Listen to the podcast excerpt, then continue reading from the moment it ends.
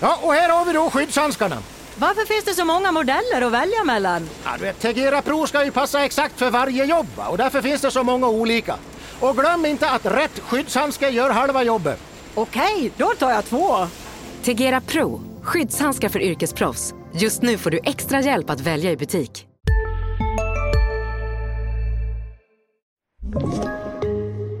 Hallå kära hockeyvänner. Måndag, en dag egentligen fylld med ångest vanligtvis, men Sanne och Svensson i lurarna. Oavsett om du är hemma, eller på väg till jobbet, eller kanske till och med på jobbet och smugit undan för att lyssna på oss. Vi är tillbaka som alltid med avsnittsnummer 46. Och 46, ja, då tänker jag på Kristianstad-ikonen Peter Roth. Eh, gjorde över 500 matcher i moderklubben, så han måste ju givetvis eh, påtalas här. Sen har vi Janne Jallasvara, back i både Rögle och Timrå. Eh, en annan, ja inte Doldis, det kan jag inte påstå, utan Axel Svensson, Faluns J20-spelare, spelar med nummer 46. Och eh, en annan riktig framträdande spelare var ju Viktor En när han spelade i Tierp. Han spelar numera i Strömsbro. Och en annan välkänd 46-a som jag kommer på här är ju Pontus Åberg. Spelar med 46 i Färjestad och Djurgården här i Sverige. Eh, en annan 46 är ju Mats Trygg, den norska backen. Norska forwarden Mattis Olimb. Oskar Johansson, ja för jag som var i Timrå, en supertalang då, född 88. Man pratade tidigt om Oskar Johansson. Tvingades sluta i förtid på grund av hjärnskakningar. Och 46an i Frölunda och HV71, Kristoffer Persson, som blev viral. Persson! Va? Utan Fröbo var målvakt! Persson, för i helvete! Men det är ju bara att provocera! Du, ingår inte det i spel att provocera varandra? Det är ingen utvisning, det är ingenting. Har inte du provocerat någon spelare någon Men då gång? måste jag slå honom så. Du kan inte få slå någon bara för det. Du får väl åka dit och vara arg på honom, men inte slåss. Har jag fel? Persson!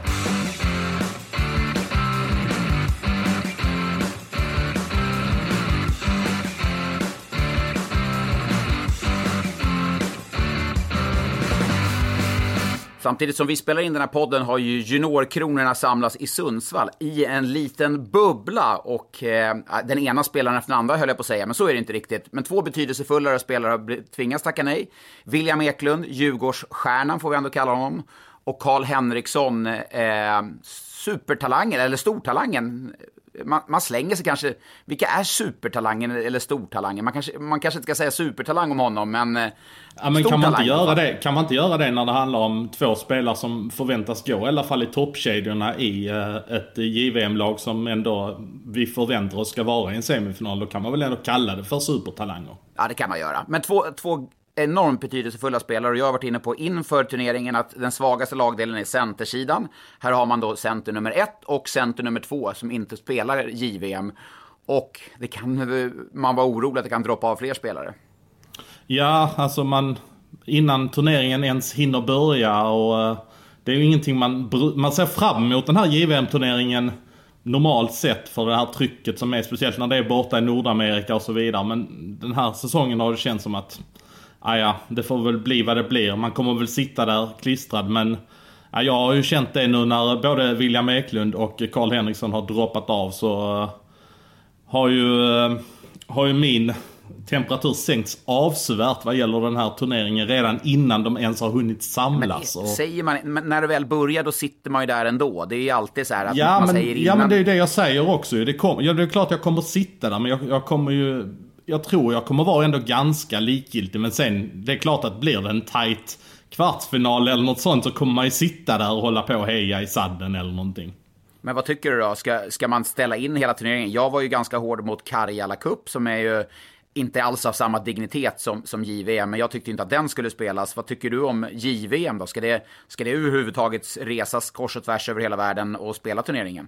Jag, jag, jag tycker att turneringen ska spelas men jag känner mig ganska less på att man håller så stenhårt vid de här direktiven. Jag menar William Eklund, eh, han testades positivt eh, eller negativt en dag för sent och nu är han stängd för hela turneringen. Jag menar vad är, vad är vi bort? 20 dagar från att turneringen ska sätta igång och man isolerar honom. Även om han skulle visa negativa test här flera gånger om under bubblan i Sundsvall så är han alltså utesluten ur turneringen. Jag tycker det är jäkligt stelt av turneringsledningen. Jag förstår varför de gör det men jag känner bara, ja men lägg ner liksom. Men är, är, det inte rätt sjukt? Eh, imorgon då, tisdag, så spelar eh, Djurgården mot Brynäs. Då kommer med största sannolikhet William spela. Det är alltså det är en dryg, eller det är exakt en vecka sedan han testades positivt då för, med corona. Så han är ju tillbaka i rullarna. Han kommer alltså spela match med Djurgården, men han får inte åka med till och på träningsläger i Sundsvall. Det är egentligen, det finns ju, det är helt galet egentligen. Ja, ja men precis, det är det jag menar. Att, eh, att man, man är lite väl stela på det här tycker jag. Att man jag fattar ju verkligen varför man gör det. Man vill ju inte under några som helst förutsättningar ha in någonting i den här bubblan i Kanada. Men om han testas negativt flera gånger om i Sundsvall. Då måste man väl ändå kunna se det, vad som verkligen sker i verkligheten också. Ja, nej, och nu är det så otroligt lätt eh, att sitta och peka finger.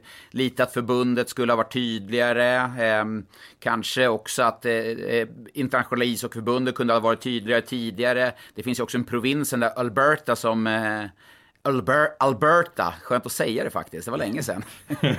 Eller hur? Känn lite på den, Alberta, det, det är ett skönt... Ja, men det, det, att... det ligger skönt där faktiskt, ja. jag, jag håller med. Nej, men det är Edmonton då, att det har kommit, eh, just den provinsen har varit lite otydlig med vad, vad som gäller. Så att, och det har vi lärt oss nu, hur mycket pek, finger vi har suttit och pekat här. Att varför gjorde man inte si? Varför gjorde man inte så redan för en månad sedan? Varför tänkte man inte så i våras? Att det finns det är liksom ingen som ska lägga skuld på det här, men jag tycker det är jäkligt olyckligt när den, den bästa junioren som har varit bäst i år, William Eklund, han får inte spela JV, han får inte spela mot sina bästa, fast att han nu är helt frisk och återställd från den här eh, coviden.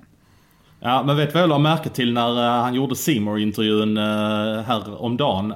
Jag la märke till att det fanns ju ingenting i William Eklund där han tyckte synd om sig själv överhuvudtaget. Han var ju väldigt ja men jag är stolt och nu får jag spela med Djurgården liksom. Det, det verkar inte störa honom något nämnvärt utan han verkar inte allt för nedslagen av det. Även om, nu är det inte hans årgång som ska spela så han har ju förmodligen chansen nästa säsong. Förutsatt att han inte tillhör en NHL-klubb som kommer diktera villkoren för honom. Det är ganska coolt med William Eklund. När han var 10 år, 10 eller 11 år, så, så ska han tydligen ha skrivit en bucket list, saker som han skulle göra. På den stod det att han skulle komma med i junior-VM ett år tidigare och gå i första rundan. Han kom ju med i JVM-truppen ett år tidigare, det, det, kan vi ju konstatera, även om han inte får spela. Och han kommer med största sannolikhet gå i första rundan, även om han inte spelar JVM. Så det är ganska coolt. Har du mer saker på den bucketlisten eller? Nej, men vad hade du för bucketlist när du var 10 bass liksom? Jag ska hota Peter Hammarström innan jag är 22. Nej, det var, väl, det var väl kanske att jag skulle åka med på någon bortaresa med Malmö FF och, och vara med de coola grabbarna eller någonting. Ja, okej. Ja, det ser, alla, alla hade vi olika och du ser vad det, vad det har tagit oss i livet också. Du, nu är mera stjärnpoddare och William Eklund är en blivande, vi får väl ändå säga NHL-spelare, det, det tror vi, kan vi nog skriva under på. Men oavsett JVM, eh, ska Sverige ta sig någonstans så måste målvakterna spela på topp. Och det finns ju alla förutsättningar. Hugo Alnefelt har varit grym i HV71 och Jesper Wallstedt som jag är grymt imponerad av. Men om du får klä dig i eh, Thomas Monténs eh, kläder, vem ska spela av dem? Nej, alltså är, den är ju helt omöjlig att svara på. Men jag kan säga så här, jag tycker man ska gå med en. Man ska välja en. Och då ska man välja den som är hetast. Det, man kan inte välja Anefelt eller Wallstedt. Alltså, jag kan inte göra det. Man måste se på träningarna, på de här matcherna inför turneringen för att se vem är hetast här och nu. Och så går man stenhårt på den. Jag, jag såg Wallstedt uppe i Skellefteå i eh, tisdags, höll sin första nolla. Eh, grym, alltså så jäkla trygg. Duktig i spelet med puck. Jag har sett Alnefelt veckan dessförinnan. Hur bra som helst prestationer. Så att, ja, det är hugget så stucket. Vem hade du ställt? Om det är ett 50-50 läge och de anser att de är lika bra så att säga. Så hade jag ju ställt Alnefelt för att han har erfarenhet sen tidigare. Han har varit med och vunnit någonting med ett svenskt juniorlandslag. Eh, så då hade jag låtit det väga över. Eh, och då får ju man lite investering kanske i Wallstedt eh, inför nästa säsong. Att få vara med och titta på lite, kanske stå någon match nu. Så att jag hade väl valt den, får man kalla enkla vägen och valt den äldre av dem då. Men nu Wallstedt lämnar. Han har ju, stod ju samtliga tre, tre matcher den gångna veckan för Luleå. Det är ju ändå eh, rätt starkt för en eh, så pass ung målvakt. Nu är det ju David Rautio som ska få, få stå matcherna under, eh, under, eh, under JVM. Men du såg Luleå i eh, torsdags mot Malmö. Vad, vad fick du för känsla kring dem? Eh, Luleå, ja, alltså Luleå som lag fick jag ju faktiskt en ganska, jag måste säga negativ känsla faktiskt. Jag, tyck, jag, nej, men jag tyckte inte de imponerade. Jag vet att du fick ju en helt annan känsla när du såg dem två dagar tidigare. Ja. Eh, jag tyckte Luleå var, de var ängsliga. Det kändes som de, eh, de tappade väldigt mycket när de gick upp till 3-0 och sen var det ju Malmö som dikterar villkoren fullständigt. Det kanske blir att man blir lite bekväm men jag tror inte Bulan uppskattar allt för mycket på det som utspela sig på isen för det hade mycket väl kunnat vara så att eh, man stod där med poängtapp eh, sett hur den matchen såg ut eh, för Luleås del. Ja, det var ju faktiskt eh, när, när, när eh, Händemark gjorde 2-3 där i slutet av andra perioden. Då fick man oj, oj, ska Luleå tappa det här? Sen tappade ju Händemark pucken på offensiv blå och vips så var det 4-2. Då kändes det som att okej, okay, nu bommar Luleå igen där. Men riktigt så blev det ändå inte där. Det vart ju tajt till slut. Ja men exakt, alltså Luleå, jag har aldrig sett dem, eller aldrig ska jag inte säga, men det var länge sedan i alla fall jag såg ett Luleå-lag som var så ängsliga som de var i den matchen. De verkar nästan lite rädda för att tappa poäng i den matchen, som man bara skulle ta på eh, de tre poängen så att säga. Malmö ligger ändå sist i serien. Det var länge, då kontrar jag, det var länge sedan jag såg ett lag, alltså Luleå så överlägset Skellefteå. Jag tror aldrig jag sett det faktiskt. Det fick mig nästan att få flashback till finalserien 2013 var det va, när man slog Luleå i fyra raka matcher. Skellefteå då alltså. Eh, det, eh, Skellefteå hade inte en chans i, i tisdags. Luleå var sådär Luleå-bra, så man bara kände att oj, spelar de på den här nivån, då, är det då ska lagen vara bra för att slå dem. Och då var de påkopplade. Med all respekt för Malmö, de ligger där de ligger i tabellen, men det är klart att Luleå kanske inte är fullt så påkopplade i hemma mot Malmö utan publik som man är borta mot Skellefteå när det är ändå liksom prestigen som står på spel. Vad var det du imponerades av i den matchen då? Farten. Alltså sån jäkla fart hade de. Eh, jag har tyckt att Luleå lite den här säsongen att det kanske varit lite stelt. Man har stått och väntat in för att komma gemensamt i fart. Man vände spelet snabbt, man tog initiativen, man var rejäla och bra i, i egen zon. Eh, noggranna i sin backcheck. Man hade överlägen 3 mot 2, 2 mot 1 flera gånger mot eh, mot Skellefteå. Så att alla delar av spelet tyckte jag funkar. Jag tycker en sån som Jack Connolly, det ryktas ju förresten om att han ska förlänga kontraktet. Och Jack Connolly är väl kanske ingen spelare man generellt pratar jättemycket om. För att han är där. Han är gedigen och bra liksom, men ingen nära eh, som sticker ut. Men jag tror i Luleås system så är han perfekt. Eh, ett bra komplement och med, med till exempel Emanuelsson där. Och eh, jag gillar Luleå. Och Petter Emanuelsson i den matchen var riktigt vass. Riktigt, riktigt bra. Ja, på tal om Connolly där så tyckte jag man läser här någonstans i veckan, tror det var på Twitter någonstans, att, uh, att Jack Connolly kan vara den nordamerikan som har spelat flest matcher i SHL. Det är väl bara någon av bröderna Abbott som skulle kunna konkurrera med honom nu. Det är ändå många säsonger som han har varit i Sverige nu. Det var väl först Färjestad, sen var han nere i Rögle, körde någonting i Hockeyallsvenskan också och han var innan. I Leksand, han var i han Leksand, var i Leksand en kort Just period med sin, med sin brorsa där i Leksand, så fick inte ja. vara kvar. Och det var, det var då han hamnat ner i Rögle där och var väl med och plockade upp Rögle SHL va? Ja men verkligen. Han var jättebra i Rögle och sen så eh, fortsatte han i Rögle men eh, de trodde kanske inte riktigt på honom där. Det var väl under Eldebrink som han inte riktigt fick eh, den chansen. Sen plockade Luleå upp honom så han har ju varit i Sverige väldigt många år nu. Ja, nej, men han har gjort det bra. Och jag vet, jag, jag spelade med han i Färjestad när han kom över och han trivdes direkt. Både han och hans eh, fru, eh, de, de älskade liksom mentaliteten att bo i Sverige. Så det, det är skönt när den typen av spelare kommer över och, och verkligen men älskar att få chansen att spela på så pass hög nivå som det ändå är i, i, i Sverige. Men en som är i Luleå som eh, verkar ha steppat upp lite, han har i alla fall målmässigt, Linus Klasen, såg du hans mål mot Leksand? Ja, riktigt bra tryck i grejerna. Det var riktigt, riktigt bra skott. Um, men Linus är ju en, en den, han är ju den lilla kryddan som, som kommer kanske göra skillnad i ett, i ett slutspel. Eh, när Luleå kanske går lite trögt, då är han som kan, kan, kan vända på en match med en individuell aktion. Men jag har sagt det tidigare och säger det igen, Luleå skulle kunna vinna grundserien även utan Linus. Men när det kommer just till slutspel, de här tajta, tajta matcherna, då tror jag att han kan, det kan vippa över till Luleås fördel med han i laget. Man har ju tänkt kring Linus Klasen, ja men honom har man kanske inte sett så mycket nu men han har ändå landat in på 13 poäng på 18 matcher. Det gör ju att han landar någonstans mellan 38-40 poäng om min matte är med mig nu och det är ju ändå toppkapacitet i den här ligan rent poängmässigt också. Ja, och det ska man veta i Luleå, det är, mer, det är ett maskineri. Det är ingen som sticker ut poängmässigt. Ser man på säsongen i fjol, då var det Erik Gustafsson som vann poängligan före Nils Lundqvist, två backar i toppen.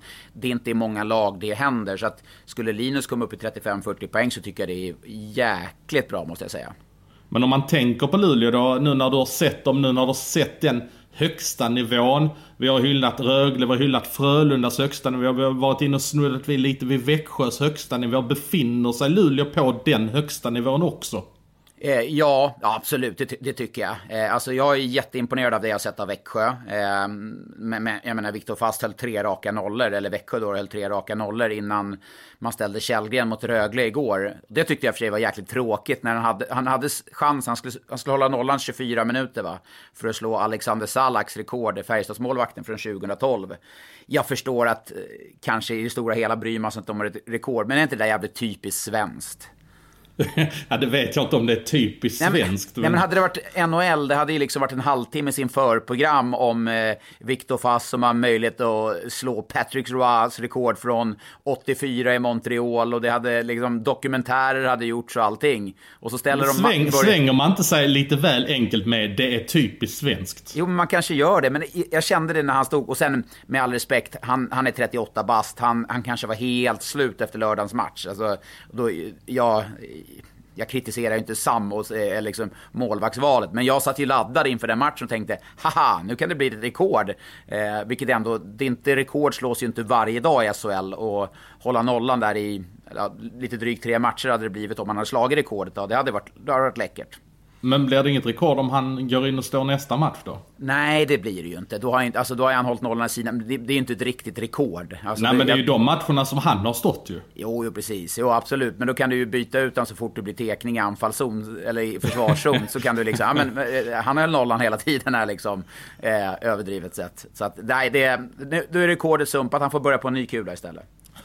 Men man kan ju inte undgå att prata Växjö utan att faktiskt prata om det som hände förra tisdagen i Växjö när de slog tillbaka Frölunda med 8-0. Vad var det som hände? Alltså, det, det, den är helt galen den matchen. De har sån alltså, sjuk effektivitet i andra perioden. Eh, det, är ju här, det får de ju betalt lite. De har haft dålig effektivitet tidigare under säsongen. Framförallt inledningsvis. Och det här fick man ju betalt eh, ett par, tre, fyra gånger om eh, mot eh, Frölunda. Och jag, hur mycket det än låter konstigt, så första perioden och stundtals i andra så tycker jag inte att Frölunda är så jäkla dåliga. Frölunda har liksom chans till ta på något ben där de kan göra 1-1. Alltså det känns som att det är, det är liksom, när målen rinner iväg, det är inte en 6-7 och definitivt inte en 8-0 match. Men nu känner jag igen tendenserna, för var det inte exakt det här snacket vi pratade om när Frölunda mötte Brynäs borta? Då, hade man, då var man ändå med lite grann, man fick 1-1 i matchen. Och när det väl rann iväg så rann det iväg ordentligt. Men så jävla typiskt svenskt av dig att sitta och hacka på mig så här. ja, allting är typiskt svenskt. nej, men alltså, nej, men så, det kan man kanske säga lite, för att uh, i fjol minns jag med Frölunda, nej men de förlorar lite, de förlorar lite, nej men det är Frölunda, det är ingen fara. Och så vips så var man nere på sjunde plats och, och och hade gått in i då ett slutspel, med, jag menar att spela åttondelsfinal med ett ganska dåligt självförtroende. Så man, man ska liksom inte förbise att Frölunda mm, var inne i en svacka, var grymt starkt att vända och vinna mot ett bra Rögle i lördags. Då tog den när Rögle hade 2-0 tänkte jag, oj, oj, oj, ännu en torsk, det är tungt i Göteborg. Undrar om de blev tända på eh, banderollerna som satt eh, utanför Skandinavium eh, under lördagen där. Vad stod som, det? Jo, det stod ju så här. Vi står bakom er och kommer aldrig försvinna. Framåt VF, dags att börja vinna. Undertecknat S84. Det är då sektion 84. Det är väl de lite mer engagerade fansen i Göteborg. Det är ju... Ehm, visst, det är ju jättefint att man eh, gör det, men jag... Jag svarar väl lite halvspydigt när eh, Göteborgspostens Johan Rylander la upp eh, den tweeten där att, att fansen stöttar laget nu det, det, är ju ändå lite lustigt att man gör det när Frölunda ligger etta i tabellen. De kan ju faktiskt inte vara mycket högre i en tabell. Sen får man ju naturligtvis se var de ligger jämfört spelade matcher och så vidare. Snitttabell, de är väl kanske tredje, fjärde bäst sett i snittet. Men eh, trots allt, man får ju konstatera att det är en ganska hög kravbild i Göteborg. Det, ja, den har ju blåst upp eh, och, och, jag menar den här säsongen som man inledde den så har ju de knappast eh, eh gått ner de förväntningarna. Men det är ganska lustigt. Mats, Mats, Mats Max Friberg, Mats, Han känns, han känns inte som en Mats va? Nej, han har inte ett matsigt utseende, det tycker Nej, jag inte. Ja, men Max, han känns som en Max. Ja, men Max Friberg i alla fall, han, han uttalade sig i eh, media den gångna veckan och sa att ah, men vi är lite dåligt självförtroende, vi måste ta initiativ och liksom alla de här sakerna. Då tänkte jag, Oj, är det Brynäs som pratar? Förstår du? Liksom, det lät exakt som att det var en Brynäs-röst som pratade efter alla förluster. Och då ligger liksom Frö, Frölunda var etta eller tvåa i tabellen.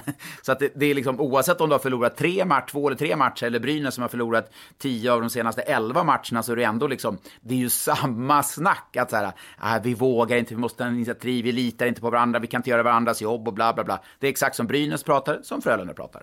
Ja men de har ju gått på ett par nitar. Det började Leksand borta, Brynäs borta, Djurgården hemma och så var det den här tuffa smällen mot Växjö borta. Så att det, det, är ju ingen tvekan om att de har ju gått ganska tufft här nu. Jag vet inte om Roger har ägnat sig lite för mycket åt eh, sina spelkuponger de sista veckorna eller vad ja, det handlar om. Det, det, var faktiskt intressant för det var en eh, på Twitter som gjorde oss uppmärksamma på det. Att under presskonferensen med Cam Abbott i eh, i Växjö så satt han inte och, och filade på något papper utan han kliade sig i huvudet och det kanske var att han funderade, oj, har Näslund lämnat in kupongen kanske?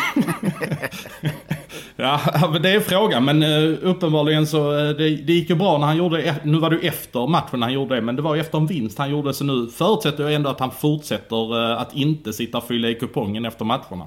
Men eh, där måste jag också, om vi bara blickar tillbaka lite till Växjö där, eh, hylla Sam Hallandberg. Presskonferensen, han vunnit med 8-0 på hemmaplan. Ja, eh, mot Frölunda som jag ändå får tänka är en ganska stor rival. Jag tror att man i, i Växjö retar sig lite på Frölunda, att de ska vara så duktiga, de ska träna så hårt och gärna göra gällande hur duktig man är. Eh, vilket är helt rätt med tanke på att man är jävligt bra. Men då tror jag det är extra skönt för ett sånt lag som Växjö liksom trycka till och trycka till dem ordentligt. Och när man har tryckt till ordentligt så trycker de till dem lite till. Men presskonferensen, nej men Sam var jätteödmjuk och sa att nej men vi hade lite tur där i det och det läget. Det, det rann iväg, men så kan det vara ibland. Det är tre poäng och jag är glad för det. Liksom, väldigt res respektfullt. Men, men, men är inte det väldigt lätt att sitta och göra det om man har vunnit med 8-0? Då har man ju kommit förbi det stadiet. Då är det ju inte ens roligt att jävlas längre det är väl alltid roligt att jävlas med Roger Rönnberg, är det inte det? Men han hade kunnat, han hade kunnat liksom, jag hade inte dömt honom för, för att ha sagt någonting, för det, det, liksom, det har varit mycket känslor mellan de där lagen och det, jag tror att det finns, framförallt tror jag mer från Växjös sida, en rivalitet gentemot Frölunda. Så att jag förstår ja, att han inte hade jag, jag, jag, jag, tycker har man vunnit med 8-0 då har man någonstans ändå passerat en gräns. Har de vunnit med 4-3 och fått det sista avgörande målet med 30 sekunder kvar, ja då kan man kanske skicka iväg någon lite syrlig pik. Eller om det har varit någonting typ mot Bulan eller liknande. Men 8-0, ja då, då, är, då säger ju siffrorna allt egentligen. Ja, men om vi flyttar från Växjö-Frölunda så um, Brynäs vänder det för Brynäs. Jag, jag, är inne, jag är inne på känslan här att nu, nu, jag skönjer en vändning för Brynäs. Vad tror du om det? Ja, är det inte lite den tendensen som är varje gång du har sett Brynäs? Nej, nej, det tror jag fan. Jag, jo, en gång. Eller då var det inte vändning. Då var jag bara imponerad av Brynäs. Jag var uppe mot Luleå där i, i oktober. Var, tyckte de spelade väldigt bra. Men det, det jag fick känslan när jag gjorde matchen eh, mot Skellefteå i lördags. Man ligger alltså under med 4-2 och sättet som man får 4-2 emot sig. Eh, alla Brynäs-anhängare kan stänga av eh, podden här ungefär 20 sekunder. För jag ska berätta vad som hände. Och sen kan jag återkomma när jag ska se det positiva. Man har fem minuter powerplay. Man skjuter två skott i det powerplayet och samtidigt gör Jesper Fredén 4-2. Alltså det är ju sån ridå ner. Alltså han gör 4-2 i boxplay när de egentligen ska göra 3-3. Då, då, kände jag bara att det här, det här laget, de kommer, precis som de gjort Leksand, de kommer packa ihop, ge upp, de kommer inte göra någonting. Och så går man in och gör 4-3. Man går in och gör 4-4. Och Skellefteå gör 5-4 och man gör 5-5. Jag träffade Peter Andersson efter matchen eh, nere, Lasse Granqvist skulle göra en intervju med honom. Och jag kom på mig själv att jag skulle säga grattis Peter. Och så, ja men de vann ju inte nej. Men jag fick ändå känslan, inte från Peter, men min känsla var att Brynäs faktiskt hade vunnit något i den matchen. Ja men visst är det så. Har man legat under. De brände ju två vidöppna mål också. Precis tätt inpå. Skellefteå gjorde både, var det 2-2 och 3-2. Mm. Visst var det så? Ja, jag tror precis Oskar Kvist om det var typ precis innan eller, innan eller efter. Det var någonting. Men det var i alla fall vidöppna mål. Vidöppna mål. Ja, nej men eh, jag håller med dig om att moral är starkt. Men eh, Brynäs är ju samtidigt i ett läge där man behöver stapla segrar på hög. Att bara få med sig en poäng här och var kommer inte lyfta nej, dem någonstans så... i tabellen. Nej, men nu, nu har man ändå så här, okej, okay, vi, vi var nere i skiten. Vi var 4-2. Vi hade ett val i den matchen. Packa ihop eller inse att det blir inte värre än så här, nu går vi ut och kör. Och någonstans landar man i det som spelare till slut att, nej men nu får det fan vara nog. Nu, det, vi kan inte bli sämre än så här. Nu, nu går vi ut, ska vi förlora, då får vi fan förlora på vårat sätt. Att liksom gå ut och kör. Och jag gillade ändå det jag såg av Brynäs. Man fick en rätt tuff skada där Oskar Nilsson klev upp på Johan Alsen. Eh, han befarade hjärnskakning, men man, liksom all ilska på något sätt kanaliserade man ut och fick energi av. Så jag, jag Ja, nu som sagt, nu har man lite hemmamatcher här. Och det som du säger, det kan ju vara bortblåst redan mot Djurgården i nästa match. Förlorar man den så är ju, då är den eh, poängen man tog upp i Skellefteå, eller den känslan, den är ju bortblåst. Så att nu måste man stapla vinster. Är det inte så, nu kanske jag bara skjuter vilt här, men jag har en känsla av att Brynäs har åkt upp och krisvunnit i Skellefteå och gjort bra insatser just mot Skellefteå borta tidigare. Det har väl varit någon tränarsparkning ja, och så vidare eh, Tommy Sjödins första match va, eh, efter att Roger Melin fick sparken där efter åtta matcher, då åkte man upp i, i eh, till Skellefteå och vann på, på just på bortaplan. Så att du, du, är, du, har, du är inne på någonting där, definitivt. Men ja, nu är det dags och ja, man, har, man har ju dragit någonstans i livlinorna nu. Man, man har bänkat då sin kanske inte, ja men, men som ska vara den ledande backen jämte Simon Bertilsson där, Jonathan Sigalet. Inte bara mot Leksand utan man, han får inte ens följa med på bussen upp till Skellefteå. Så det, då är ändå signalvärdet att ja, man tar bort de kanske då potentiellt bästa spelarna även om inte Sigalet har varit det. Ja, jag smsade ju dig faktiskt i lördagskväll här efter lördagsmatcherna hade spelats och eh, sa att jag hade lite news vad gäller eh, Jonathan Sigalet och sen eh, dröjde det väl bara några timmar till eh, våra konkurrenter på Aftonbladet, Hans Abrahamsson, skicklig reporter, stenkoll på Brynäs, där han eh, berättade att eh, Sigalet är på väg bort. Och då hjälpte det ju inte så mycket att jag hade suttit och sagt samma sak i, i din sms-inkorg. Men, men vi har ju faktiskt lite info mer kring Sigalet och vad som är på väg att hända i framtiden. Kan du berätta vad jag smsade till dig? Ja, det här är ju, det är ju dina nyheter. Jag, jag, jag är lika glad varje gång de här smsen dimper in. Men du, Eh, rätt oväntat måste jag säga att han eh, sägs vara aktuell, eller eh, i allra högsta grad aktuell, för en återkomst till Frölunda. Jajamän. Det är ju så att eh, Sigalet, han sitter ju lite på leken här nu. Han... Eh han har ett av sina sista, kanske det sista kontraktet i karriären. När han signade där i Brynäs så valde han ju i stort sett bara på pengarna han skulle casha ut i eh, sista här i karriären efter SM-guldet i Frölunda. Och eh, han behöver egentligen, han kan ju bara sitta om han vill det i Brynäs nu. Eh, men eh, vi vet att det finns en dialog med Frölunda och det som kommer hända nu är ju att eh, egentligen att det kommer bli någon form av chicken race mellan Brynäs och Frölunda. Där eh, Frölunda egentligen bara kan sitta och vi kan, vi kan ta en eller två månadslöner men ni får ta resten. Någonting i den stilen. Kanske Bryn eller Frölunda kan säga till Brynäs eh, och Sigalet kan ju andra sidan säga ni kan erbjuda mig vad som helst men jag antingen sitter jag av det eller så går jag till Frölunda med den den förutsättningen. För jag menar Sigalet har ju en väldigt bra relation med till exempel Roger Rönnberg i Frölunda och säkert med Fredrik Sjöström och Lechtaler också i den övre eh, klubbledningen. Men eh, då kan man ju kort och gott säga att Brynäs sitter på Svarte Petter om man nu får kalla Jonathan Sigalet i det här fallet. Eh, de har ju liksom egentligen inget förhandlingsläge whatsoever. För att även, och så här ska man säga, även om HV71 då skulle ringa och säga vi, vi tar över hans kontrakt. Så kan ju fortsatt Jonathan Sigalet säga nej jag vill inte, jag vill inte flytta.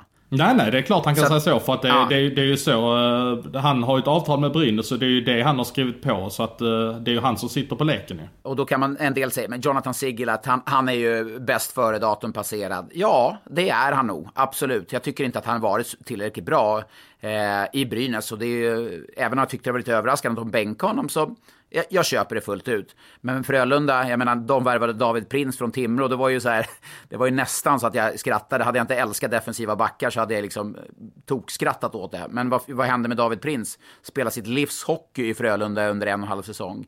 Eh, Jens Olsson, då var det ju många, bland annat eh, vår, eller min gamla kollega på VF, Johan Ekberg, där som tyckte att oj, vad är det här för värvning då? Alltså, men vad har man gjort med Jens Olsson? Han, han har ju spelat kanske sitt livs hockey. Nu, nu, gillar jag faktiskt att du trycker till Vimmerby-hataren här lite grann. Ja, han är på Vimmerby hela tiden. Alltså så fort Vimmerby fostrar spelare så ska han vara där och säga att de har varit någon, någon, någon kort session någon annanstans när det är Vimmerby som har fostrat dem. Ja, man blir bara less. Ja, vi pratar inte om det, jag blir bara, jag blir bara, jag blir på dåligt humör. Men ja, vi... Att man inte kan unna andra framgångar, det, det, är, för, det är för dåligt. Jag målade ju upp eh, Jonathan Sigalet som en potentiell trade bait, alltså ett byt, en bytesaffär med Jonathan Blum i Färjestad. Nu, kanske, nu ser det kanske inte ut att bli så. Men under söndagen så vart det officiellt att Färjestad och Wojtek Mosik går skilda vägar. Eh, och det handlar väl i, egentligen i, i, helt enkelt om ett utköp för eh, där Färjestad eh, köper ut honom från delar av kontraktet. Man dumpar ju trots allt en del pengar, men man får köpa ut honom. Och det, nu sitter många frågor har ju dykt upp. Att Färjestad, ska de ersätta Måsik? Ska man värva in en forward? Och vad händer med en sån som Linus Johansson till exempel, som var eh, i Färjestad kapten i fjol? Nej men precis och nu försvinner Albert Johansson också på JVM så man, eh, man är ju lite kort på backsidan ganska så omgående här så jag skulle väl inte utesluta att Färjestad kanske tittar på någon form av korttidslösning på backsidan här under JVM. För att jag menar det räcker med kanske en skada eller en sjukdom här så är man ju väldigt kort om folk. Eh, det vore ju inte dumt att ta in Sigalet med tanke på det men eh, jag tror inte Färjestad ser det över tid att man behöver en så pass etablerad back för att man ska ändå ha in Albert i svängarna igen så att säga. Så att jag, jag tror att man man tittar kanske i så fall mer, jag, jag säger inte att man gör det, men jag, jag, tror man i så fall tittar mer på någon korttidslösning på backsidan.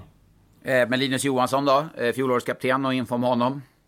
Nej men eh, jag skrev ju här på lördagen att, uh, att han försvinner vidare i KL uh, till Nizjnekamsk. Säg, säg hela dem, vad heter de i, i förnamn och efternamn?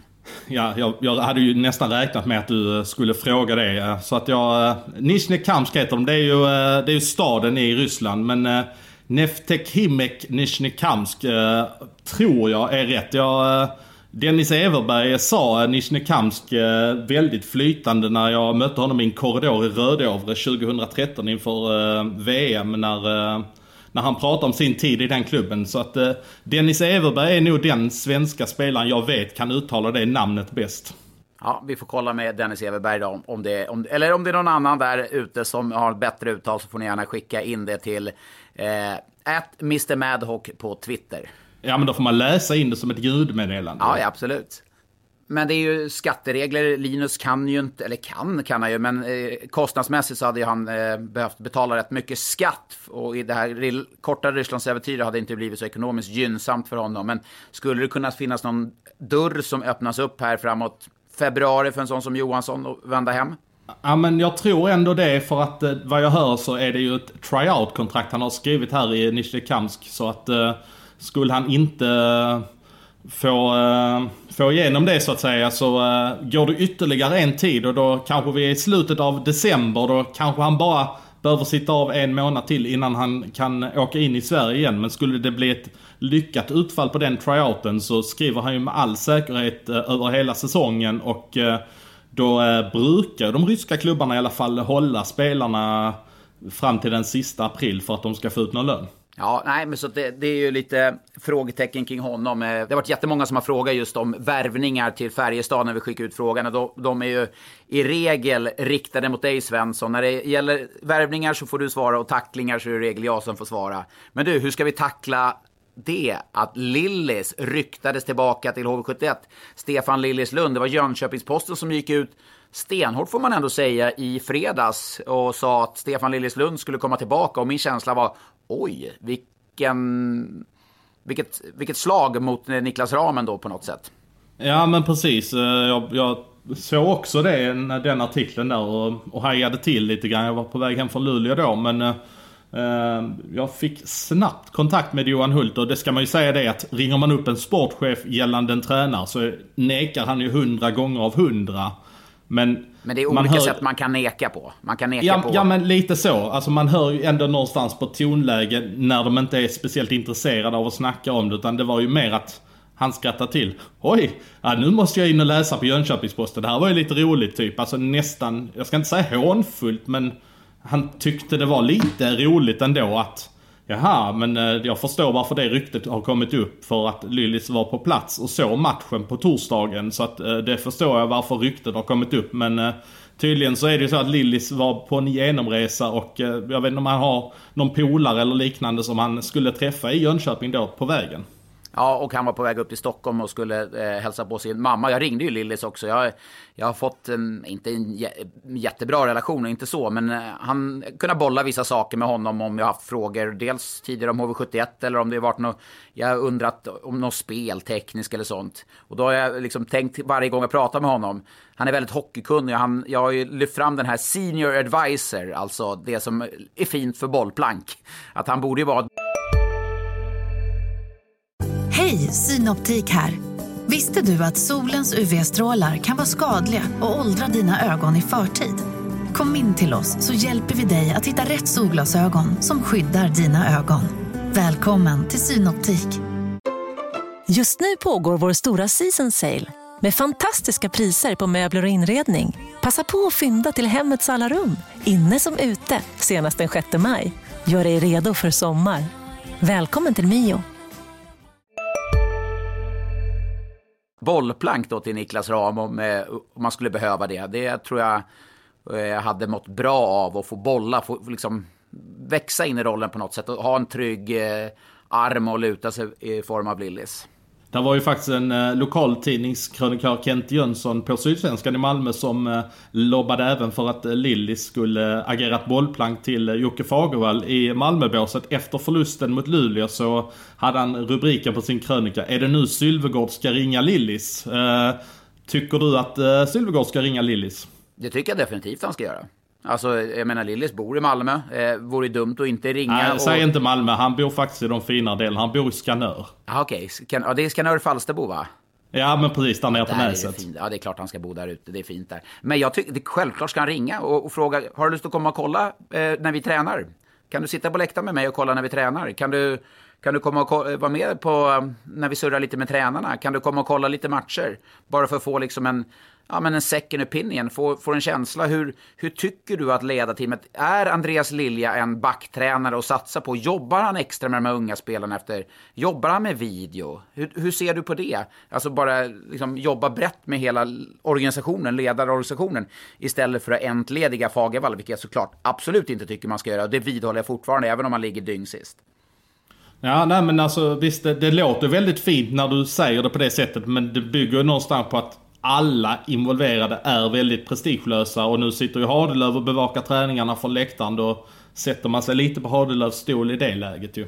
Ja, men alltså, vad, vad, vad, vad, pratar vi om? Gör man det för Malmös bästa eller för, för Nej, men det är lätt att säga så. Det, det, jag, jag, förstår absolut att man, men det är ju trots allt så att man har, nu har man plockat in Thomas Kolla som en extra resurs i båset. Hadelöv sitter redan på läktaren. Ja, men det här handlar ju om en kortare tid. Det handlar inte om att Lilly ska gå in och ta över, utan det är, handlar om att få en... Eh, men vad tycker du om det här? Hur fungerar vårt ledarteam? Ungefär som att, som att du har alltså, en... Skulle man få en sån sak att fungera så är det ju jätte, jättebra. Eh, och Lillis, ja, men de... jag menar, det är en väldigt erfaren och han har ju hjärta för klubben och sådär också. Så att det hade ju säkert varit jättebra. Ja, men Malmö är ändå, de, de satsar ju lite på det, organisationen runt. Där de har en jätteskicklig mental coach i form av Andy Svärd till exempel, som jobbar med spelarna. Ja, Andy har ju hyllats väldigt mycket av eh, eh, spelare och ledare individuellt för vad han har gjort. Jag vet att Oskar Alsenfelt har jobbat ganska mycket med honom, men eh, nu jobbar han ju med hela gruppen i Malmö och eh, där har det bevisligen inte blivit något speciellt lyckat resultat. Han tog över efter Susanne Pettersson som numera är i Frölunda. Och eh, resultatmässigt så har ju eh, det sviktat rejält sedan Susanne lämnade. Så jag, jag vet inte om Andy, nu är jag ute på väldigt djupt vatten här, men eh, om han kanske ska jobba mer individuellt än att han jobba, ska, ska jobba med hela grupper så att säga. Men eh, det är ju saker som jag inte riktigt begriper så att eh, vi, vi tar det vidare därifrån. Vi, släpper Malmö och blickar mot Malmös motståndare i lördags, Djurgården, som ändå... Ja, man kom från en förlust, eh, dessförinnan ganska stor sådan mot HV71, men utöver det så har ju Djurgården faktiskt ja, men imponerat ändå måste jag säga, med, med många spelare borta. Nu fick man visserligen tillbaka Tom Nils och Marcus Högström där mot, mot eh, Malmö, men annars har det varit ett glest, glesbygge, lika glest som min du ser den här viken här uppe på håret va? Där såg glest ja, Djurgårdens ja, ut. Ja, det var ju påtagligt alltså. Ja, jag vet. Jag vet. ja, det, man får kamma nej. över mer och mer här varje gång. Men ja, fortsätt. ja, nej, men eh, jag ska ärligt säga att jag såg ett Djurgården där Mantas Amalis var för jäkla bra i mål alltså. Eh, Han, eh, han räddade ju dem flera gånger om där i tredje perioden när eh, Malmö radade upp powerplay. Men det som man slås av är att det går så jäkla sakta när de spelar powerplay så att det blir knappt några förflyttningar på honom. Men han var ju den som gjorde klart bäst insats. Imponerad av en sån som Kalle Östman, hur han kliver upp nu i, typ, i Josefssons frånvaro. Eh, spelar ja, jättebra. Visst, visst har han varit bra? Ja, nej, alltså... men jag tycker alltså Kalle Östman, han har, ju, han har ju verkligen någonting. Jag har inte varit så imponerad av honom under tiden i Djurgården förra säsongen. Jag var jätteimponerad av honom i Västerås, hur, han, hur bra han var där. Men eh, nu, eh, det jag såg här i lördags tyckte jag Kalle Östman var jäkligt gedigen och nu gjorde han sitt första mål för säsongen också. Det var en bjudning där efter kommunikationsmiss mellan Oskar Altenfelt och Patrik Hersley och Jesper Jensen Åber tror jag det var som, eh, som missade lite i kommunikationen och han kunde raka in sitt första. Men utöver det så tycker jag att han stod för ett bra centerspel. Ja men det är intressant med Djurgården då. Jag måste ändå... Jag tycker att, eh, jag, jag, jag, har inte följt med jättemycket i Djurgårdskretsar och så, men jag kan tänka mig att Djurgården, Robert Olsson har fått lite kritik genom åren sådär, men alltså jag måste hylla honom. Jag tycker att han, han krämar ut bra mycket av det här laget år efter år efter år. Jag, tycker kanske inte riktigt att han, Robban Olsson får den credden som han faktiskt förtjänar. För att han känns ju som en, en tydlig, tydlig, eller han är ju en tydlig, tydlig huvudtränare. Och liksom, om du skulle 10 000 kronor frågan och fråga vilka som är assisterande i Djurgården så tror jag inte, bortsett från Djurgården så tror jag inte många hade varit så här, ja men det är Bemström och Håkansson, utan det är ju väldigt mycket Robban Olsson känner jag där. Ja men så är det ju. Men där, där får man ju säga att Robban, du var inne och hyllade Sam efter att han eh, var väldigt ödmjuk efter 8-0-segern eh, mot eh, Frölunda. Där var ju Robert Olsson verkligen ödmjuk efter att de hade vunnit matchen mot Malmö. Och hade lite tur, det var en bjudning till 0-1 målet. Det var en studs på en hjälm och in till 2-1 målet och han, han underströk ju att Djurgården kom väl undan lite grann med blotta förskräckelsen i den matchen. Så där kan vi ju verkligen tala om ödmjuk tränare efter den matchen.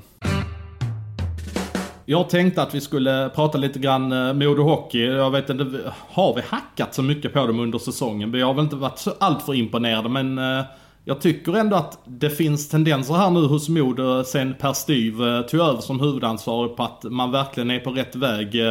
Delar du också den känslan? Ja, verkligen. Och man är på rätt väg eftersom man har tagit, backa tillbaka till den vägen man var inne på i fjol med, med Björn Hellkvist. Eh, så jag tycker definitivt att man är på rätt väg. Mer fart i spelet. Eh, mer spelare som är kreativa eftersom de har, har många åkstarka spelare. Jag tycker också spelet bakifrån med puck är milsvis bättre, vilket gör att man får mer, mer balans och bra i spel. Jag tycker det var en bra hockeyallsvensk match mot eh, Södertälje i eh, onsdag som jag satt fastklistrad kring. Ja, och jag såg dem eh, förvisso förlorade mot Västerås här, men det var, jag ser det lite grann som ett hack i maskineriet. Jag, jag ser Modo som ett lag som är på väg med raska steg faktiskt mot eh, topp 6, kanske till och med topp 4 innan vi summerar det här. Jag tycker ändå de har ett så pass bra. Jag, det kanske kan handla lite grann, hur blir det med Heponiemi, hur blir det med, håll i dig nu, Martin Kaut. Det, det flyger inte riktigt på skånskan. Nej. Nej. Nej, men äh, Martin Kaut kommer med stor sannolikhet att vara på äh, Colorado med 15-16 gubbar tror jag. Så att äh, jag tror att han kommer försvinna. Med Heponiemi finns det nog en ganska bra chans för Modo att behålla och han har ju gått i en kedja där med Patrik Karlqvist. Så att skulle nu Kaut försvinna, vilket han med stor sannolikhet gör, så kommer ju... man ju behöva värva en. Men nog fan försvinner Heponiemi också. Jag menar varför, varför ja, jag skulle... är inte säker på det. Det kommer ha att göra mycket med AHL också. Ja, jo, absolut. Men ja, jag tänker att han eh, i ett första skede kommer åka över på campen då, då och, och försöka ta en plats där borta innan ett beslut det, tas. Ja, det, det, det beror på hur, eh, hur konkurrensen står sig. Jag, jag, tror att en sån som Kaut är om jag får värdera dem så, är det, så ser jag Kaut som en, en större risk för Modo att tappa. Ja, han är ju, ja men det är klart, alltså, han har inte ens räknat in. Kaut är ju liksom en, en spelare som, som de eh, tok satsar på som är liksom ett högt draftval. Så det, det är ju en icke-fråga, men jag tror att en sån som, alltså om Heponiemi nu, om han ska åka över på campen, vilket jag tar för givet att han kommer göra, och när han väl då eventuellt inte tar en plats i, i Florida, så se, tror jag hellre Florida vill se att han spelar ett högre upp i, i seriesystemet än i Hockeyallsvenskan. Eh, varför ska han, menar, det är väl bättre att han åker hem och spelar i Finland, eh, i toppligan till exempel. Ja, men där har han ju någonstans ändå presterat tidigare. Jo, och, men det är en högre nivå. Det är en högre nivå. Ja, Alltså, ja men det, så är det ju. Men han har ju ändå kommit in i, i gängerna här i Modo på ett helt annat sätt sen Karlqvist kom tillbaka. Så att... eh, jag, jag tror inte det är uteslutet på något sätt där. Men eh, du, du kanske tycker Nej. annat, vilket Nej, jag ja, hör att du gör också. Så att, Ja, men alltså, jo, men eh, man kan liksom inte bygga kring förhoppningar där. Men även oavsett om han Nej är men kvar de kommer, ju, de kommer ju ändå få ett besked ändå hyfsat snart vad det är som kommer gälla kring Heponiemi. Men skulle han också försvinna så måste de ju värva två gubbar. Ja, och det är väl där jag landar någonstans. Måste värva två gubbar. Är det liksom, är det... Kommer man gå upp, förstår du vad jag menar? Är man så bra att man kan ro på... Ja, nu har inte Björklöven gått så bra på slutet, men Timrå, Björklöven, Södertälje kommer ju också tappa lite. Men förstår du vad jag menar? Är, är det liksom... nej, nej, är det eller, läge eller ska där man vaska säsongen? Det är inte ett, ja, jo, det, det, man kan ju se som att vaska säsongen, men det är fortfarande ett kompetent lag. Får du in två spelare som kanske kostar rätt, ganska mycket, så jag menar, du äventyrar ju mycket. Nu, nu, nu sätter man sig här och pratar om ekonomi, eh, och det har ju klubbarna mer koll på, förutsättningar än vad jag har. Så att jag har all respekt för det, men ja, jag vet inte riktigt om Modo, oavsett om man värvar ett par forwards då, om Heponiemi och eh, Kaut försvinner. Jag, tror, jag vet inte, går man upp ändå liksom? Nej, men det, det kan man inte veta. Jag tror Nej, att... nej, jag jag, tror, jag tror ju Modofansen ändå tycker om, om de börjar avancera uppåt mot en femte, sjätte, fjärde plats någonting. eh, Då, då tror jag ändå man kan se en möjlighet att jävlas lite grann med, med Modo, eller med Timrå och Björklöven. Att, eh, att man kan tycka det är lite roligt. Men vi kan ju slå fast att de är i alla fall på rätt väg. De är på väldigt rätt väg. Och jag, jag gläds med min gamla lagkamrat Per Styv där som eh, jag tror har fått blodad tand som headcoach. Och det, det blir väl nästa fråga hur Modos långsiktiga lösning ska bli på tränarsidan. Jag menar, ska man ta in ett namn utifrån och så blir det inte riktigt bra. Då kanske man känner sig tryggare då med Omark och, och Per Styv att liksom, och kanske ta upp någon juniortränare och göra en trä, tränartrio därutav. Ja men nu är Emil Svelander inne nu när Modos J20-lag spelar ju inte så att han är ju inne som en tredje tränare nu. Men jag tror, eh, och de signalerna jag hör är att eh, man är så pass nöjda med Styr. Man tycker han har tagit de kliven som ledare att, eh, att man är villig att satsa vidare. Man ser ju att han vill spela lite mer som Hellkvist spelade så att jag, jag tror att det är den riktningen Modo kommer att gå. Är det inte Hellkvist som spelar som Styv spelar då kanske? Det är, det, är, det är Styv som är hjärnan bakom allt. Ja, du, du kan vända och vrida på det hur mycket du vill. Men en annan sak jag vill ta upp när det gäller Modo. Eh, de har ju faktiskt tre målvakter. De har ju eh, Peters, de har eh, Oliver Dackell och de har ju eh, Linus Lundin. Och Linus Lundin står ju ingenting alls överhuvudtaget nu. Utan han, det är ju knappt så att han får, eh, får vara inne i städskrubben där uppe i arenan. Men eh, där, eh, där har jag faktiskt ett förslag kring vad man ska göra med Linus Lundin. För det är ju så att Västerviks eh, Daniel Marmelind som du har hyllat här eh, tidigare. Han uppvaktas ju av Malmö som vill ha en backup här för Alsenfelt. Man tycker inte riktigt att Lars Wolden håller måttet. Man har sett potentialen i Daniel Marmelind. En jäkla tävlingsmålvakt. Han går all in oavsett om det är träning eller match. Och Västervik har ju Zacharias Skog som en av sina målvakter. De har ju eh, Samuel Ward också, men Ward är ju skadad.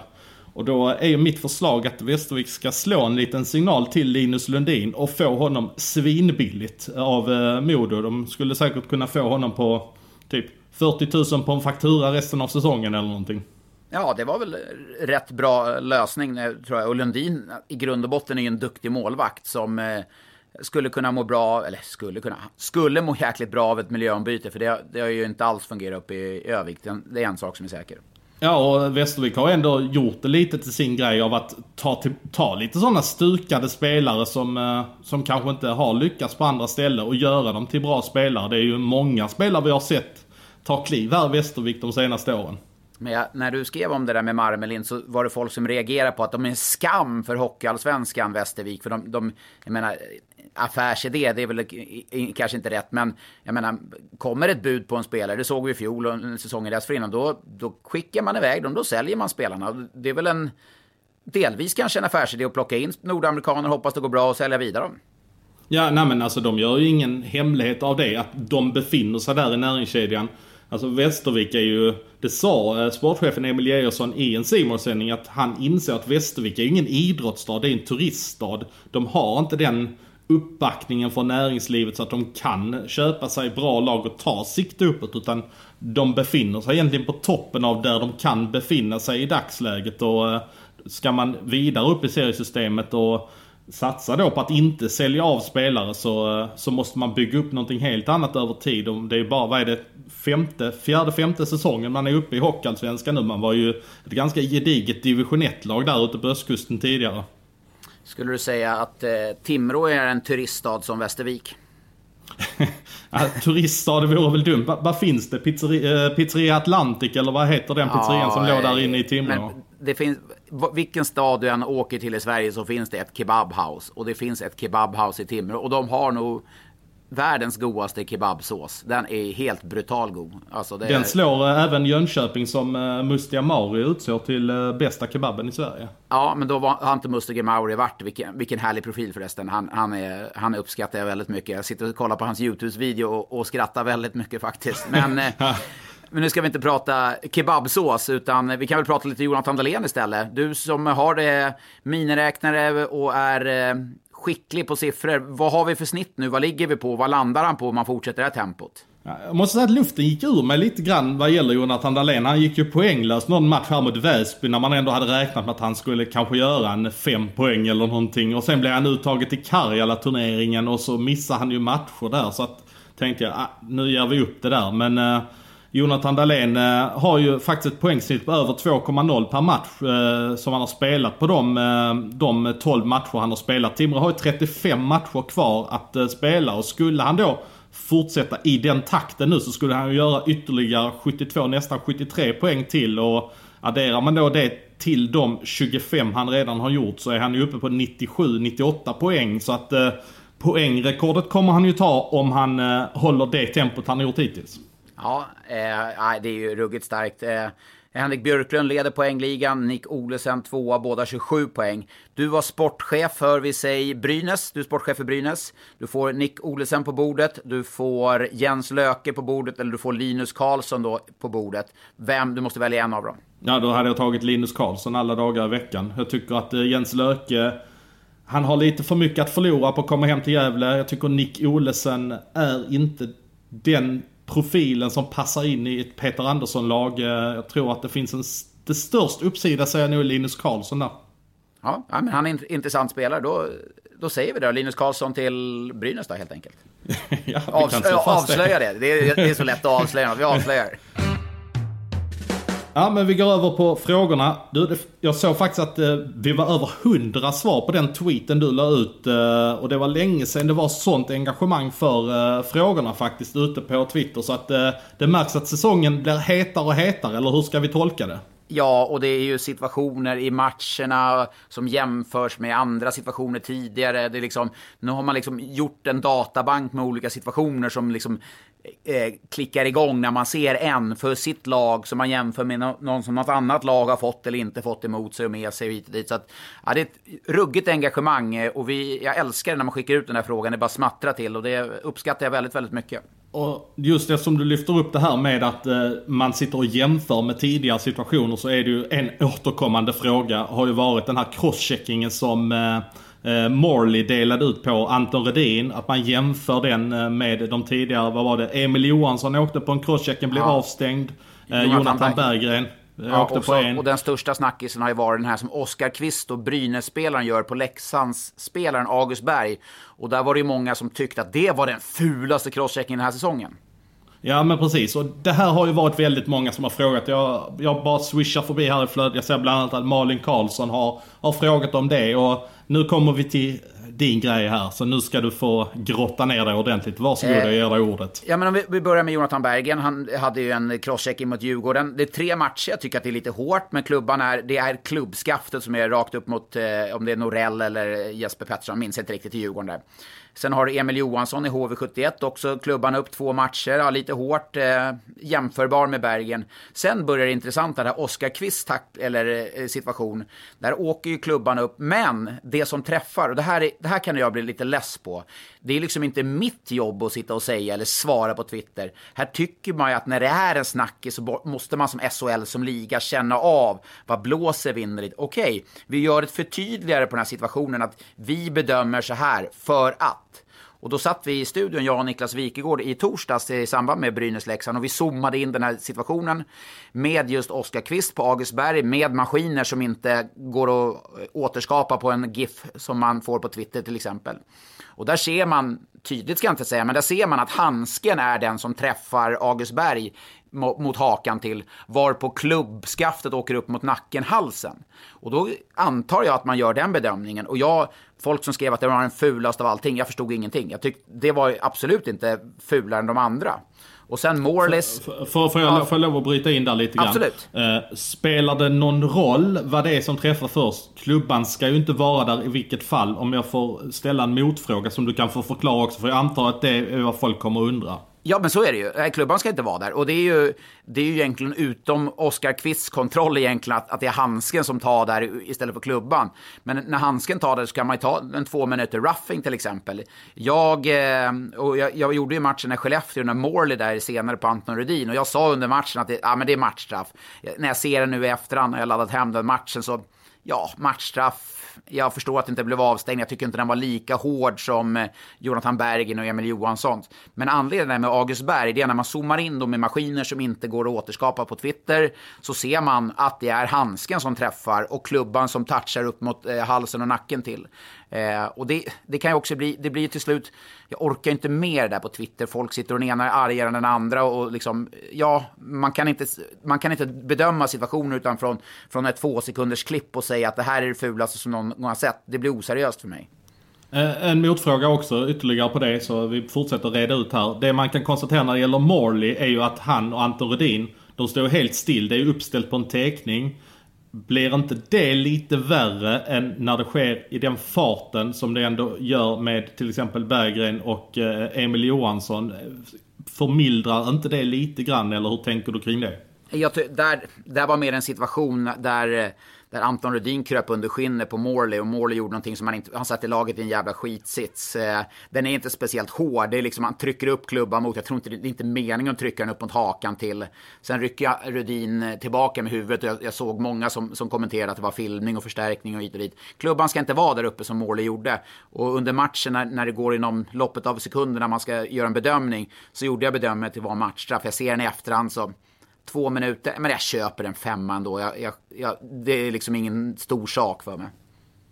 Ja men vi fortsätter vidare. En fråga från Viktor Lundström. Den gäller Niklas Lasus tackling. Jag tror det är Lukas Ekeställ Jonsson som, eh, som får den tacklingen. Eh, den kommer från eh, blind sida lite grann, eller hur man nu ska bedöma den. Känns som att den är ganska sen. Hur ser du på den situationen? Eh, den har jag sett också. Jag var tvungen att ladda hem den för, för att se helt tydligt. Det är ju ofta slänger man sig med en blindside, att man inte ser spelaren och, och eh, folk vet inte riktigt vad en blindside är. Men det där blindside är för någonting. Men där är ju en blindside-tackling när, man, när inte han ser den. För att Ekeståhl Jonsson ska skjuta eh, precis i samband med att eh, pucken kommer så ska han skjuta och då kommer Laso från sidan. Det som förmildrar det och tro, tror jag gör bedömningen att det inte blir match, eh, matchstraff alternativt eh, avstängning, det är att han saktar ner lite på slutet, Laso och tacklingen träffar inte huvudet. Det har jag också zoomat in och tittat. Och den träffar axeln. Sen tycker jag att det är en, det är en, eh, en blindside-tackling. Men det finns ingenting i regelboken som heter att du får fem minuter för en blindside-tackling. Utan du kan få en charging eller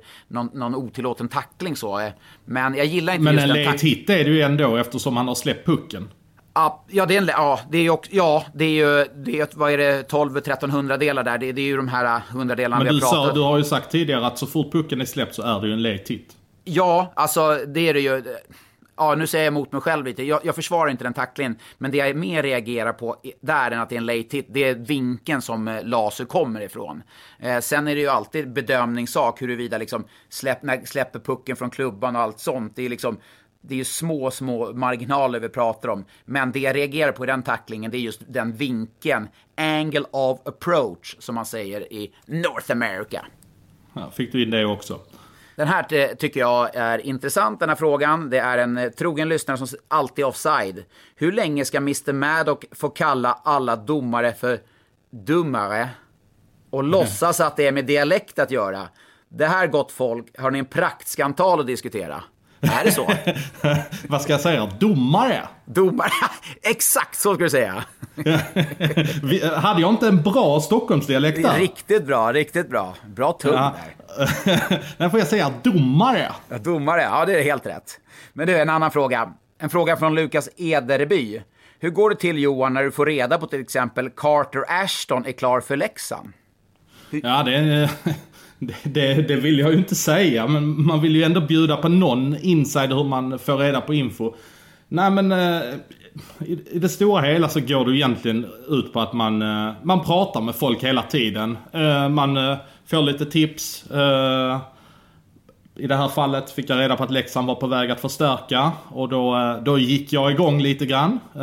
Och då börjar man förhöra sig lite grann. Jag har haft ett ganska bra flyt på Leksand här under hösten, eh, eller sensommaren. Jag lyckades ju träffa rätt på Norén och Carter Camper och Peter Cehlarik där i en trio rakt upp och ner. Så då gick jag tillbaka till lite annat folk som hade hjälpt mig med de eh, övergångarna och eh, frågade lite grann och eh, Ja, det var inte helt lätt att få loss namnet men när man väl fick loss lite så löste det sig till slut. Så att det, det är ett väldigt kort svar om en stor, ja jag ska inte säga ordet men... eh, Ja, för jag nej, jag, vet du, jag vet vad du vill. Jag vet vad du vill.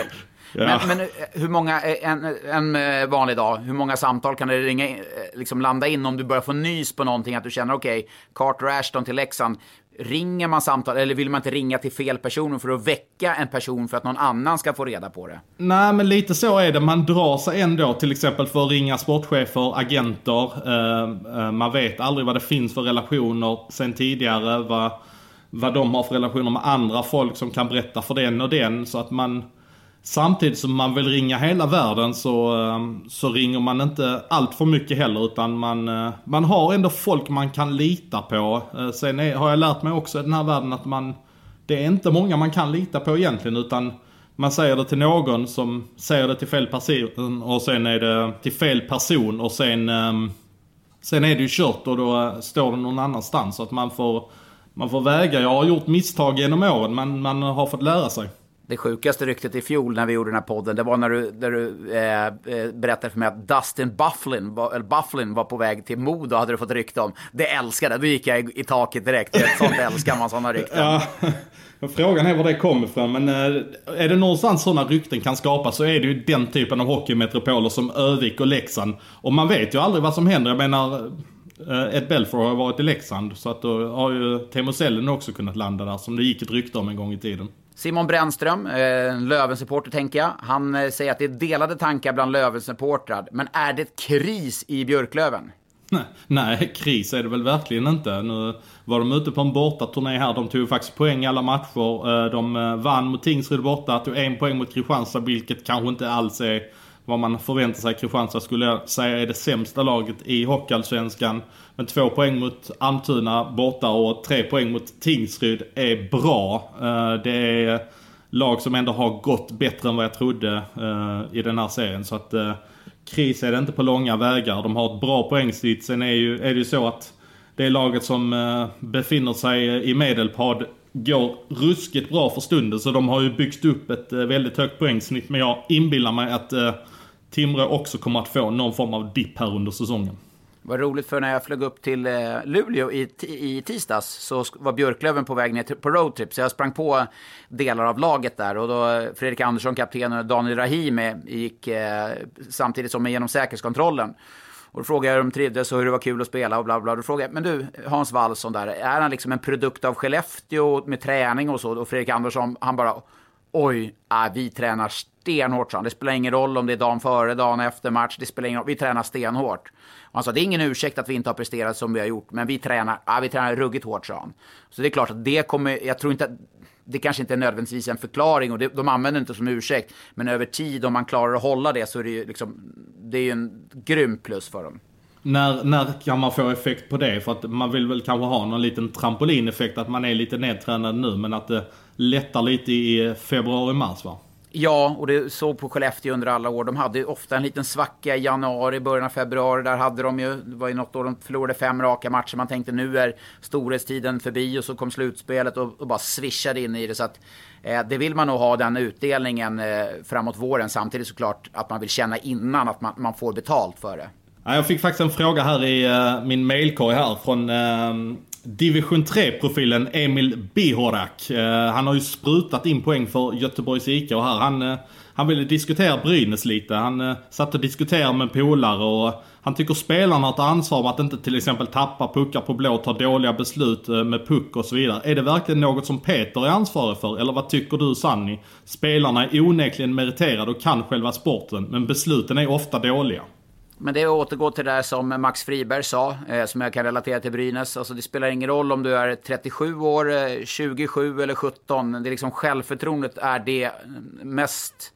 Alltså det är det, det är det mest betydande i hockey. Eh, har du inte självförtroende så tar du dåliga beslut. Då tar du dåliga beslut så tillvida att du inte visar det tillräckligt. Du vill inte ha pucken. Du överarbetar situationer. Någonting som jag tycker har varit fallet mycket i Brynäs. Att, ja, det är en mental aspekt. Och det det är inte bara någonting du vänder på en handvändning. Men därför tror jag att poängen i lördags, sättet man tog den, kan vara en liten minivändning för dem.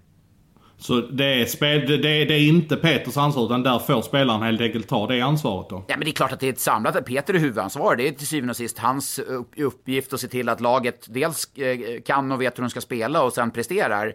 Eh, och menar, behövs det ta in hjälp i form av mental rådgivare eller sådana saker så, så är det hans, då är det hans ansvar att ta det beslutet om han känner att spelartruppen behöver det tar en sista fråga från Robin Johansson. Du satt ju i fjol och löste Björklövens powerplay och nu ska du få samma uppgift med Linköping. Eh, han frågar hur du skulle ställa upp Linköpings eh, powerplay som han tycker har lite problem. Någon bra powerplay-uppställning du skulle ställa upp där? Ja, alltså där, eh, jag, jag kollade lite, jag såg Linköping spela här i veckan. De, de kör ju finnarna rätt mycket i, eh, i en och sen Notera att Junland får spela väldigt mycket. Jag, jag gissar på att det har att göra med att Berglund eh, inte är disponibel för stunden så Junland får väl dubbla. Men i den bästa av världar skulle jag nästan säga att Berglund är det backalternativet jag hade gått med. För att han är ändå invärvad för en sån roll och, eh, och eh, ska spela Junland ska spela den ena men jag ser ändå Berglund ska spela i PP1. Jag ser att Marcus Ljung ska definitivt spela. Bra tekare. Jag ser att Brock Little ska spela. Eh, och sen Henrik Törnqvist tycker jag också ska spela. Han har ett bra skott. Eh, han och Berglind är bra skottalternativ. Eh, då kanske man skulle kunna ha Brock Little ganska djupt ner. Marcus Ljung, lite playmaker. Eh, sen vet jag inte riktigt vad man ska ha för alternativ. Man kanske ska ha in en Jacko Rissanen som, ett, som ett centeralternativ också till Marcus Ljung. Ja, eller Jarno Kärki framför mål. Han är duktig där. Ja, han är jätteduktig. Han har petat in x antal baljor här under säsongen. Jag blev lite förvånad över hur mycket poäng han har petat in. Men Karki är absolut ett alternativ. Då har vi kommit till stunden. Svensson torkar pannan på svett redan nu. Kinderna är lite rödflammiga. Är du redo för täv tävling? Jag är jätteredo. Idag får du årtal och jag har eh, vänt mig till en trogen lyssnare av podden. Martin Haglund från Habo. Han går under eh, alias eh, Texas Diff på Twitter. Han har gjort en fråga åt dig idag. Oj, vad, vad härligt. Ja, så på fem poäng. Det är ett årtal jag vill ha av dig. Djurgårdens IF vinner Elitserien. Alltså grundserien, Elitserien. Har du bara gjort det en gång då? Nej, men det är det du får på den här. ja, den är ju... Nej, men Martin, det... han, han, vet ju att du är jäkligt bra. Han är lite på min sida märker jag, så att han vill ju inte ge den allt för lätt femma. Nej, men uh, jag är ju inne och snurrar på ett årtal ganska så omgående, men jag kan ju inte... Jag kan ju inte slå fast att de inte har vunnit mer än en gång. Jag tror Nej. de har vunnit fler än en gång. Så. Eh, på fyra poäng. Första gången NHL-spelare kan spela en OS-turnering. Uh, första året de kan spela en OS-turnering? Ja, men uh, den tar jag. Skriver okay. upp här nu då. Ja. På tre poäng. USA tar ett historiskt guld i detta OS på damsidan. På herrsidan är det Tjeckien som vinner. Mm. Fortsatt stabilt? Ja, ja det tycker jag mm. nog. På två poäng. Detroit Red Wings vinner Stanley Cup-finalen mot Washington Capitals. Oj, ja, den, den, den kändes svår faktiskt. Ja, ja precis. Ja, men han är, han är lurig här, eh, Martin. Vet du. Och en poäng.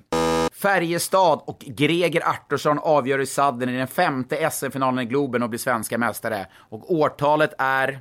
1998. Grattis, på fyra poäng. Ja, ja men det, jag, jag blev lite osäker där med OS-spelare om det, eh, om det skulle vara tillåtet någon gång på 80-talet eller någonting i den stilen. Men eh, jag visste ju att eh, det inte var OS-spelare 94 i Lillehammer, men jag visste att det var det 98 i Nagano. Helt bra, bra uteslutningsmetoder och vi tackar Martin för eh, din medverkan här och kul att kunna blanda in lite härliga lyssnare också. Men nu har vi sprungit iväg tidsmässigt. Vi älskar våra egna röster för mycket Svensson. Det, det är faktiskt så. ja, men nu har vi faktiskt tillfredsställt eh, vår vän eh, hotelldirektören eh, David Wiklund i Stockholm som har gnällt på oss. Så att eh, nu slipper han sitta där och vara kränkt för att vi har pratat för lite Luleå. Ja, nej men det är bra. Då avslutar vi podden då med eh, tack och hej och så på återhörande om en vecka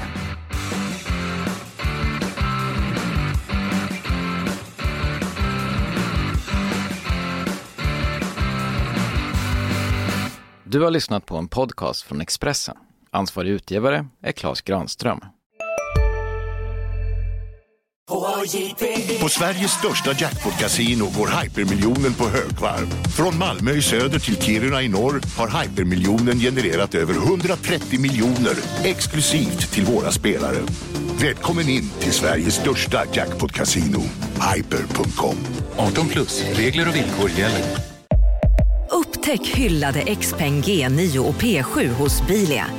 Våra produktspecialister hjälper dig att hitta rätt modell för just dig. Boka din provkörning på bilia.se xpeng redan idag. Välkommen till Bilia, din specialist på X-peng.